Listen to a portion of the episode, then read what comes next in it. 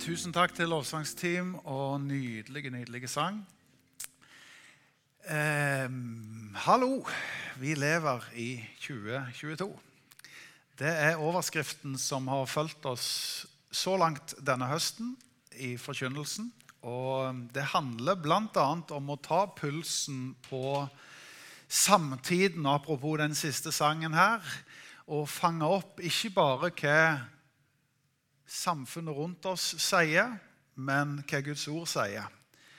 Og det å si at vi lever i 2022, betyr jo at vi ofte bruker eh, stedet vi er, altså så langt vi har kommet, der vi er i utvikling, som et argument for å si at nå vet vi så mye bedre.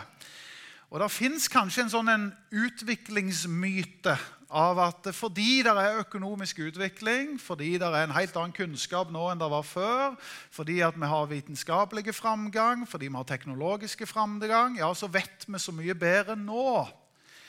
Og på mange områder så gjør vi jo selvfølgelig det. Men det å sette likhetstegn med at fordi vi har kommet så langt, vi er i 2022, så nå må vi lytte til 2022, og det gir oss svaret på hvordan vi skal tenke og hvordan vi skal leve, det er en farlig vei. For da kan vi bli et produkt av den tidsånda som råder til enhver tid. Søren Kirkegård sa det sånn at den som gifter seg med tidsånden, blir fort enka. Fordi at det svinger og utvikler seg, og det er alltid noe som gjør at vi da skal tenke og leve og handle annerledes etter hvert som tida går. Og På noen områder så er det klart at vi tar hensyn til det så langt vi har kommet i tida. Og 2022 forteller oss mye godt. Men det å ha sine bein trygt planta i Guds ord og si at det er ikke utgått på dato, det som Gud sier, det er en god ballast å ha inn i livet. Derfor så sier vi litt sånn ironisk 'Hallo, vi lever i 2022'. Fordi at vi ja, på godt vil si noe om at det som skjer i 2022, det kan det være mye fint med, og det skal vi applaudere og gi tommel opp til. Men på de områdene det fører oss i en feil retning, så trenger vi å ikke ukritisk sluke det vi oppfatter i tida, men våge å spørre oss sjøl er vi på linje med Guds ord, og er det utgangspunktet for hvordan vi tenker og hvordan vi lever. Og I dag så tenkte jeg at vi skulle adressere spesielt dette fokuset, nemlig på arbeid og frivillighet i en tid av karrierejag. Og jeg skal ikke ha en sånn en, uh, mørkemannstale der jeg liksom bare snakker ned tida og karriere og jobb. Tvert imot så skal jeg snakke veldig positivt om arbeid. Men jeg skal også komme med noen obs-obs, og jeg skal prøve å korrigere oss, sånn at vi på en sunn måte kan være en motstrøm til det som måtte være usunt av karrierejag i 2022. Da har jeg lyst å straks komme inn det jeg kaller for arbeidets teologi, og se hva Bibelen sier om arbeid. Men eh, før vi liksom borer i det, så skal vi lese noen skriftavsnitt. og Vi begynner tidlig i Bibelen og se hva Gud sier veldig tidlig til oss mennesker.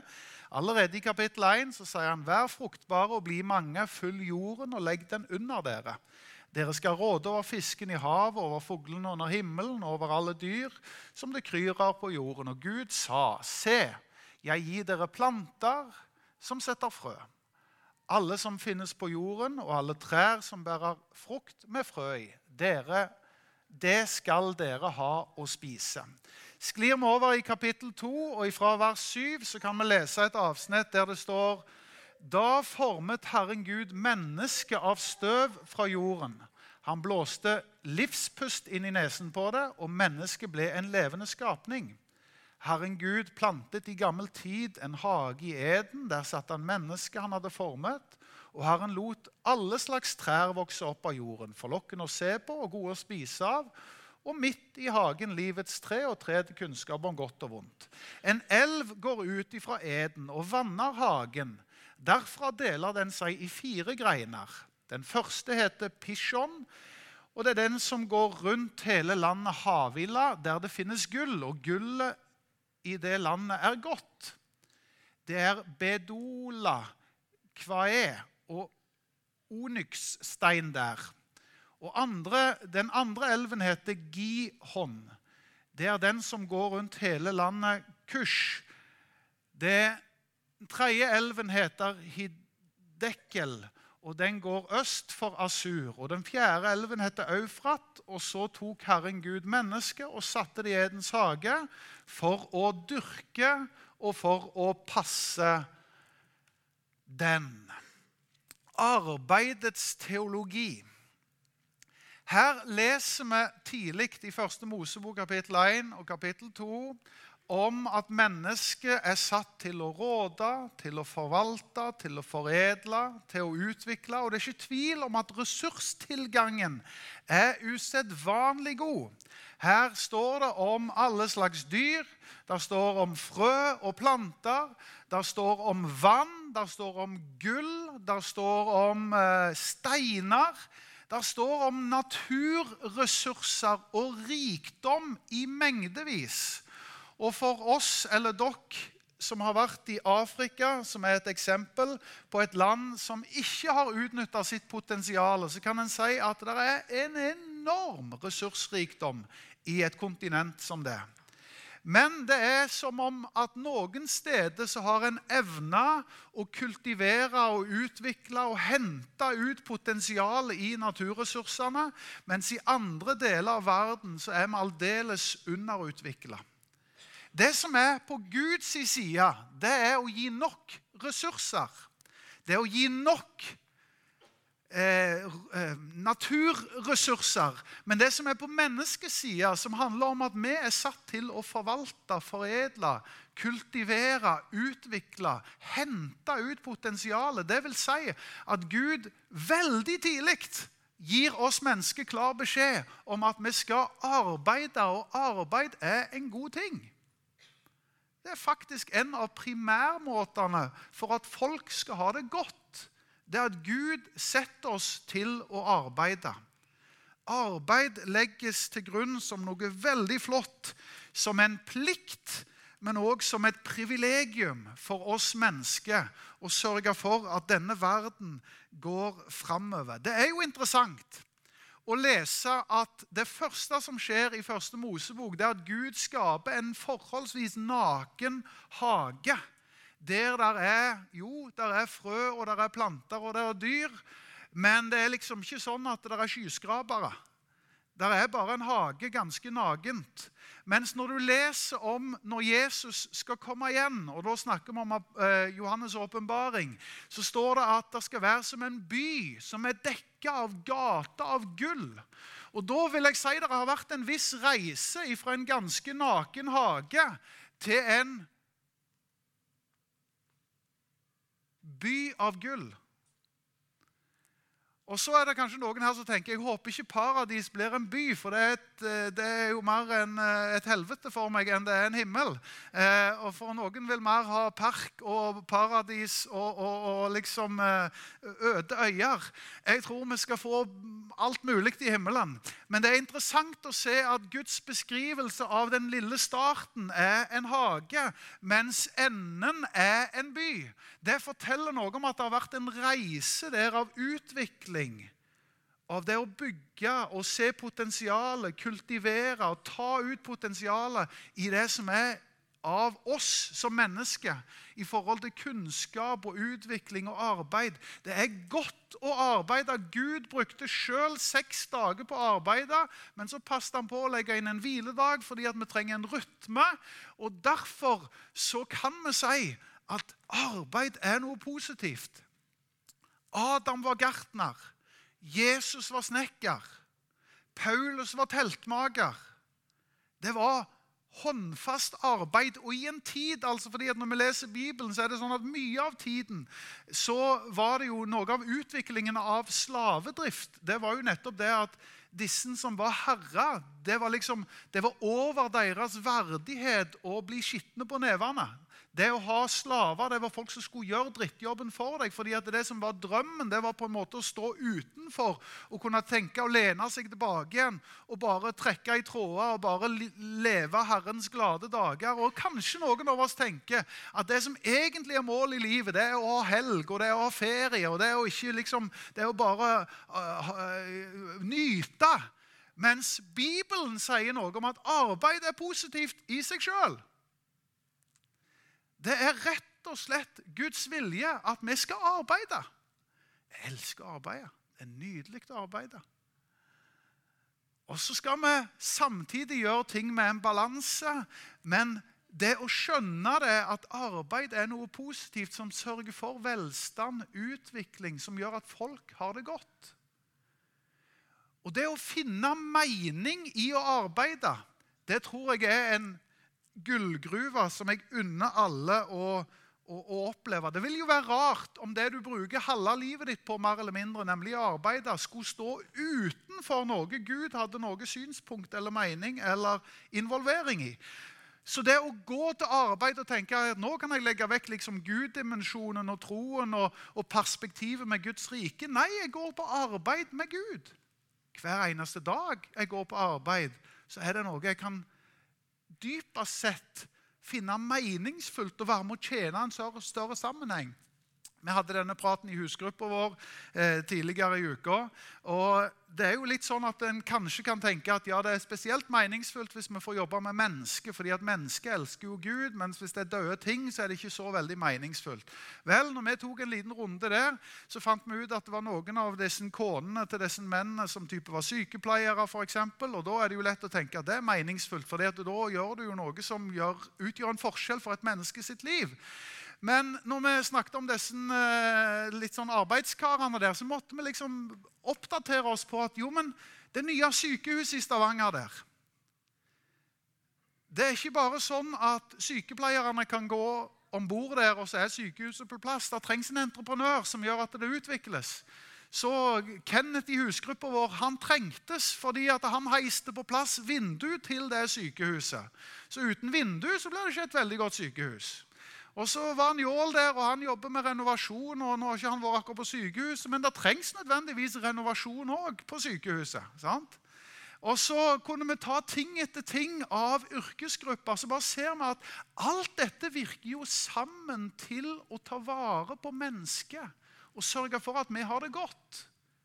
Og det er Guds tanke og Guds hjerte at folk skal ha det godt. Dette ordet 'frelse' i Bibelen, som er oversatt på gresk 'soso', det betyr å gjøre hel. Så frelse kan vi lett tenke at ja, det er utelukkende det å få sin sak i orden med Gud. Og det er primæren med frelse. Det er å få sin sak i orden med Gud, få fred med Gud, få tilgivelse. Men det er jo en holistisk tanke i Bibelen fra første Mosebok at Gud vil at mennesket skal ha det godt. Sånn at hvis noen er syk blant dere, så skal de bli friske. Hvis noen trenger omsorg, så skal de få en hjelpende hånd. Hvis noen trenger noen går en ekstra mil med dem, så skal vi gå en ekstra mil med dem. Det å gjøre heil, det er et frelsesperspektiv som handler om at Gud elsker mennesker så høyt at han ga sin sønn. Ja, men òg at meg og deg skal skape gode samfunn av velferd, der folk skal få lov å ha det godt og greit. Og da er Guds primære vei det er arbeid, folkens. Arbeid som noe positivt. Nå håper jeg jeg har lagt et grunnlag som gjør at ikke arbeid skal bli sett ned på. Men arbeid er positivt. Men så er det jo det at vi kommer til liksom, ok, 2022, og ting kan bli eh, altså, Ting kan bære galt av gårde òg. Alt som er positivt, kan trekkes for langt, og det kan få et snev av noe som fort kan lukte litt negativt. Alt som er en velsignelse, kan potensielt bli en forbannelse hvis det får et feil fokus. Hvis det får et overfokus. Og Nå er jeg innom dette for å si noe om at eh, eh, eh det å la noe få en feil plass, det blir når vi dyrker noe til at det blir opphøyd og det nærmest blir som en religion. Religion er å dyrke. Så i den grad, Nå liker ikke jeg å bruke religion om kristen tro, det er først og fremst en relasjon, men i den grad vi skal kalle det en religion, så handler det om at vi dyrker. Og hva dyrker vi? Vi dyrker den levende Gud. Når noe får en plass som er opphøyd, når, når, du gir noe en så udelt oppmerksomhet, når det får en så høy plass at du dyrker det, så får det en feil plass. Så det som i utgangspunktet er bra, kan ta en for mye plass. I alle religioner er det et alter det er noe du ofrer. Det er en offermentalitet. Og til Gud så ofrer vi. Ja, vi ofrer våre bønner, vår lovprisning, våre kroner, vår tid, vår energi. Det er, en, det er offer òg i den kristne sammenheng. Selv om det er av nåde og alt er gratis, så er det i en kristen religion òg sånn at vi dyrker og vi ofrer. Greien er det at når noe tar plassen til Gud, så får det så mye plass at vi er villige til å ofre hva som helst for at det skal få en, den plassen vi mener det fortjener. Og noen tar arbeid altfor langt.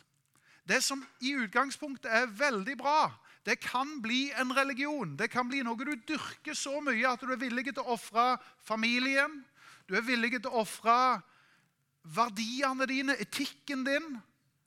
Du er villig til å bruke mer tid på det enn noe annet. Og noen har et opphøyd forhold til religionen som om det står høyere enn å f.eks.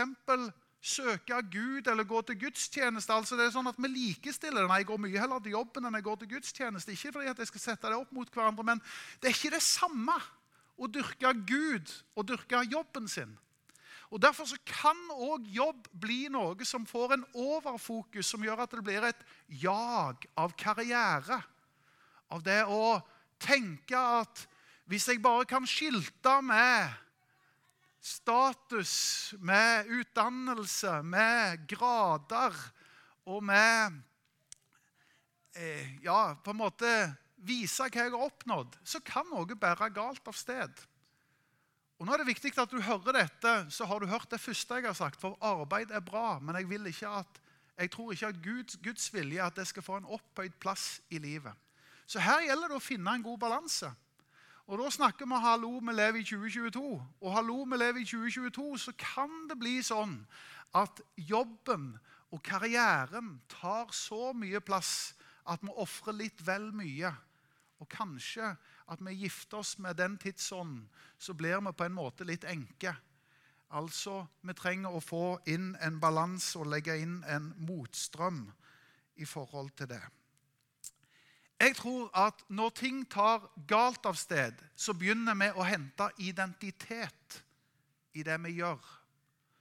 Og i denne tidsånden som vi lever i i 2022, så tror jeg at eh, en opphøyd plass for jobben kan være at du henter eh, din eh, Altså at du er det du gjør. Med det mener jeg at jo, når vi presenterer oss, så sier vi gjerne hva vi har av utdannelse, og hva jobb vi har, og hva tittel det er. og Kanskje noen kan brife med hvor mye en tjener, og hvor mye en har oppnådd, og hva karriere en har, hvilken CV en har. Altså identiteten vår hentes i det vi gjør. Mens i Guds rike så er identiteten i den vi er. Og vi er, det, det vi er, det gjør vi. Det er ikke sånn at du snur deg på hodet og sier 'det jeg gjør, det er jeg'. Altså, jeg er primært det jeg gjør. Forstår dere forskjellen? Jeg tror at sunn identitet det handler om å vite hvem du er i Kristus. Vite at du er et Guds barn, vite at du er elska, vite at du er en Guds medarbeider. Og at når du går på jobb, så er du i tjeneste for Gud og for mennesket og for samfunnet. Men jeg snur det ikke på hodet og sier at min identitet er primært det jeg gjør.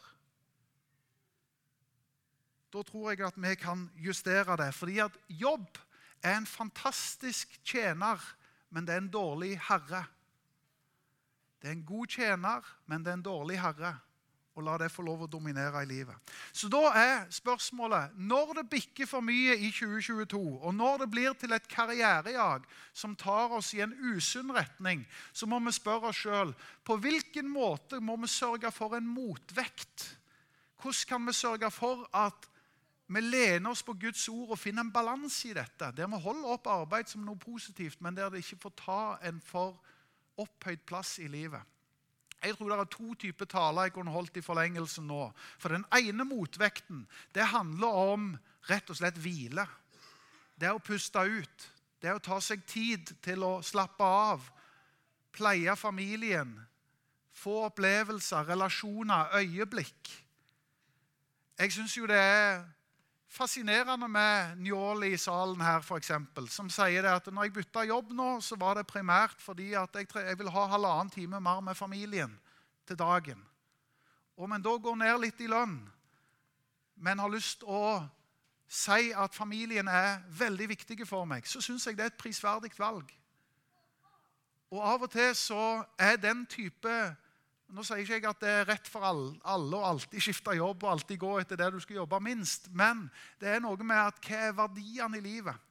Og Her tror jeg at vi kunne snakket mye og lenge om det å hvile, om sabbat, men det er ikke dagens tale. Det I forlengelsen skal jeg snakke om en annen motvekt til karrierejag og et for opphøyd forhold til, til, til arbeid. Og Det er å snakke om frivillighet. Så jeg har lyst til å si noe om eh, frivillighet straks. Før jeg borer i det med frivillighet, så har jeg lyst til å bare si noe om det å være kaldt. Fordi at det henger sammen. Jeg tror at kall er noe som stikker dypere enn at nå velger jeg hobbyen min, og så velger jeg utdannelsen, så velger jeg jobben og så velger jeg interesse. Altså Valgene de vi tar, de er mange og mangt. Men når det er et kall, så stikker det så dypt at jeg føler på en måte ok, dette har Gud designa meg for. Det er nesten så jeg ikke har noe valg. altså Dette ligger som et kall fra Gud i bånn. Og kall tror jeg at mange fort får et litt for snevert forhold til. For de tenker ja, de som er misjonærer, de har nok et kall, men jeg er litt usikker på om jeg har et kall. Vel, da kan jeg si det fins lag på lag med kall. Og Bibelen er tydelig på dette. Et primærkall som følger alle mennesker, det er kallet om fellesskap med Jesus Kristus. 1. Korinteren 1,9 sier at 'jeg har kalt dere til samfunn med min sønn Jesus Kristus'. Det er ikke bare en sånn, det er selvfølgelig et valg, men det er dypest sett et kall. Det er vi kalt til samfunn med vår sønn Jesus Kristus. Det er et kall å f.eks. For være foreldre, være fruktbare, bli mange, følge jorda. Det handler ikke bare om produksjon av unger, men det handler om fostring av unger. sånn at når du først har fått unger, så er det helt klart et kall å fostre de ungene. Det er et kall ifra Gud. Og så er det et kall som jeg allerede har snakket om. Det er å arbeide, råderett, det er å forvalte, foredle, ta vare på jorda, kultivere, hente ut potensialet, sørge for at folk har det godt. Det å arbeide er et kall. Nå snakker jeg om at det er lag på lag med kall, og nå kommer jeg til det som jeg ville vil annonsere tidlig her med frivillighet. For det er òg et kall å oppdage at Gud har utrusta deg med talenter og gaver og evner som du skal bruke til å tjene folk med. Det kan selvfølgelig gjøres i en arbeidssetting og i en hverdagssetting i nabolaget, men Bibelen løfter tydelig inn at også som et kristent fellesskap så skal vi betjene hverandre med de gaver og evner vi har fått. Og Det gjør vi fra et frivillighetsperspektiv. og Det er så utrolig viktig at vi får inn. fordi at Hvis menighet kasta seg på karrierejag, og at alt skulle måles i timer og i kroner, ja, så ville vi ikke hatt en eneste person som var med og tjente i menighet. fordi at Da kunne jeg alltid heller gått til jobben, og der tjente jeg 500 kroner i timen eller 250 kroner i timen. eller alt etter hvor mye om det var overtid. Og så kan du si at nei, men jeg kan ikke være med i menighet, fordi at jeg kan jo tjene masse penger med å gå på jobben. Og da mister du frivillighetsperspektivet totalt. Men Gud har rett og slett designa oss med evner og gaver og talenter og nådegaver for at vi skal tjene og betjene hverandre. Og Da kommer vi over i det som er frivillighetsverdenen. Jeg har lyst til å si noe om den type frivillighet. fordi at Norge har en stolt tradisjon av frivillighet som vi skal hegne om og ta vare på. Og Nå er det viktigere for meg at det er forankra i Guds ord, enn at det er i den norske kulturen. Men Eh, siste tallene jeg har funnet, viser at i 2014 nå er vi jo åtte år tilbake i tid, så var det 115 000 lag og organisasjoner i Norge. Og det var like mange årsverk, ca. 115 000 årsverk bare i frivilligheten. De forvalter, eller sørger for verdier i samfunnet på til sammen nå skal vi se, 70 milliarder kroner årlig. I tillegg så har du all den dugnaden som vi kjenner til, som har en uvurderlig verdi. Og vi vet, alle som kjenner litt av den norske historien, at ordet dugnad er et norsk godt ord som har stått seg gjennom lange tider, som har betydd veldig mye for lokalsamfunn. Og Nå kan vi gjerne bruke ordet dugnad, men jeg tror at hvis vi bruker det ordet dugnad, så kan det lett bli sånn at ja, hvis jeg har nok hvis jeg tilfeldigvis har tid til over, så kan jeg kanskje ofre en time nå og da. Men sånn på jevnår så har jeg egentlig ikke tid til dugnad. Sånn at dugnad kan få en litt for lav status. Jeg vil løfte det ett hakk opp og si at det handler om tjeneste. I Guds rike handler det om tjeneste. Og i Guds rike så står det noe om at vi skal tjene Gud og ikke mennesket dypest sett. Sånn at når vi tjener inn i en kristen setting, inn i en menighetssetting, så handler det ikke om å sørge for at de som administrerer i menigheten, får nok folk, sånn at de ikke blir stressa, men det handler om at vi dypest sett tjener Gud. Og den type tjeneste det er noe som Gud kaller oss til. Da er det litt mer enn bare valgfrihet, men det er noe som stikker litt dypere. Det er at Gud har kalt meg til å bruke mine evner og gaver til å være med og tjene Han. Og jeg slår et slag for dette rett og slett for å si noe om at i en tid som denne, med arbeid og karrierejag, så slår jeg et slag for frivillighet og for tjeneste. Tilfeldigvis i år så kalles 2022 for frivillighetens år i tillegg. Det er i hele samfunnet. Og vi kaster oss gjerne på det som menighet og sier ja til frivillighet. Og Vi tok en litt sånn artig runde her i, i, i, staben her på et stabsmøte. og Så gikk vi gjennom alle som bar et frivillig engasjement. Et tjenesteengasjement, definert engasjement i menigheten. Og vi kom til 100 stykk sånn cirka, som har en definert oppgave i menigheten. Og det kan vi virkelig være stolt av og si at det er med å skape den menigheten og det fellesskapet vi har. Men det gjør også at vi vet at det er mange mange, mange titalls som ikke bærer et definert ansvar og oppgave. Og Dette sier ikke jeg for å skape dårlig samvittighet den veien, men jeg prøver å si noe om at frivillighet er viktig. Tjeneste er viktig. Gud kaller oss. Du har evner, du har gaver. Og vi trenger å løfte opp at dette trengs når vi skal være et, en, en, en Guds familie og en Guds menighet og en Guds kropp som sørger for at vi har det bra her i sammen, så trenger vi frivillighetsengasjementet. Dugnaden, om du vil. Tjenesten, vil jeg si. Vilfredo Pareto, en eh, italiensk økonom for ganske lenge siden. Han eh, gjorde en oppdagelse. Han var ute i sin egen hage, og så så han på arterbelgene. Og så så han at eh, sånn ca. 20% av Erterbelgene produserte 80% av alle arterne i hans hage. Og Så syntes han det var interessant, og så begynte han å granske og grave litt mer. og Så begynte han som økonom å se at oi, det stemmer ganske bra som et prinsipp, ikke som en matematisk sannhet som alltid står fast, men det har blitt noe som heter et Pareto-prinsippet eh, seinere, der han så at eh, vel, 20% av befolkningen i Italia eide ca. 80% av alle verdier. Altså Det var en liten del som eide veldig mye. Det var en liten del av erterbelgene som skapte den store produksjonen av erter.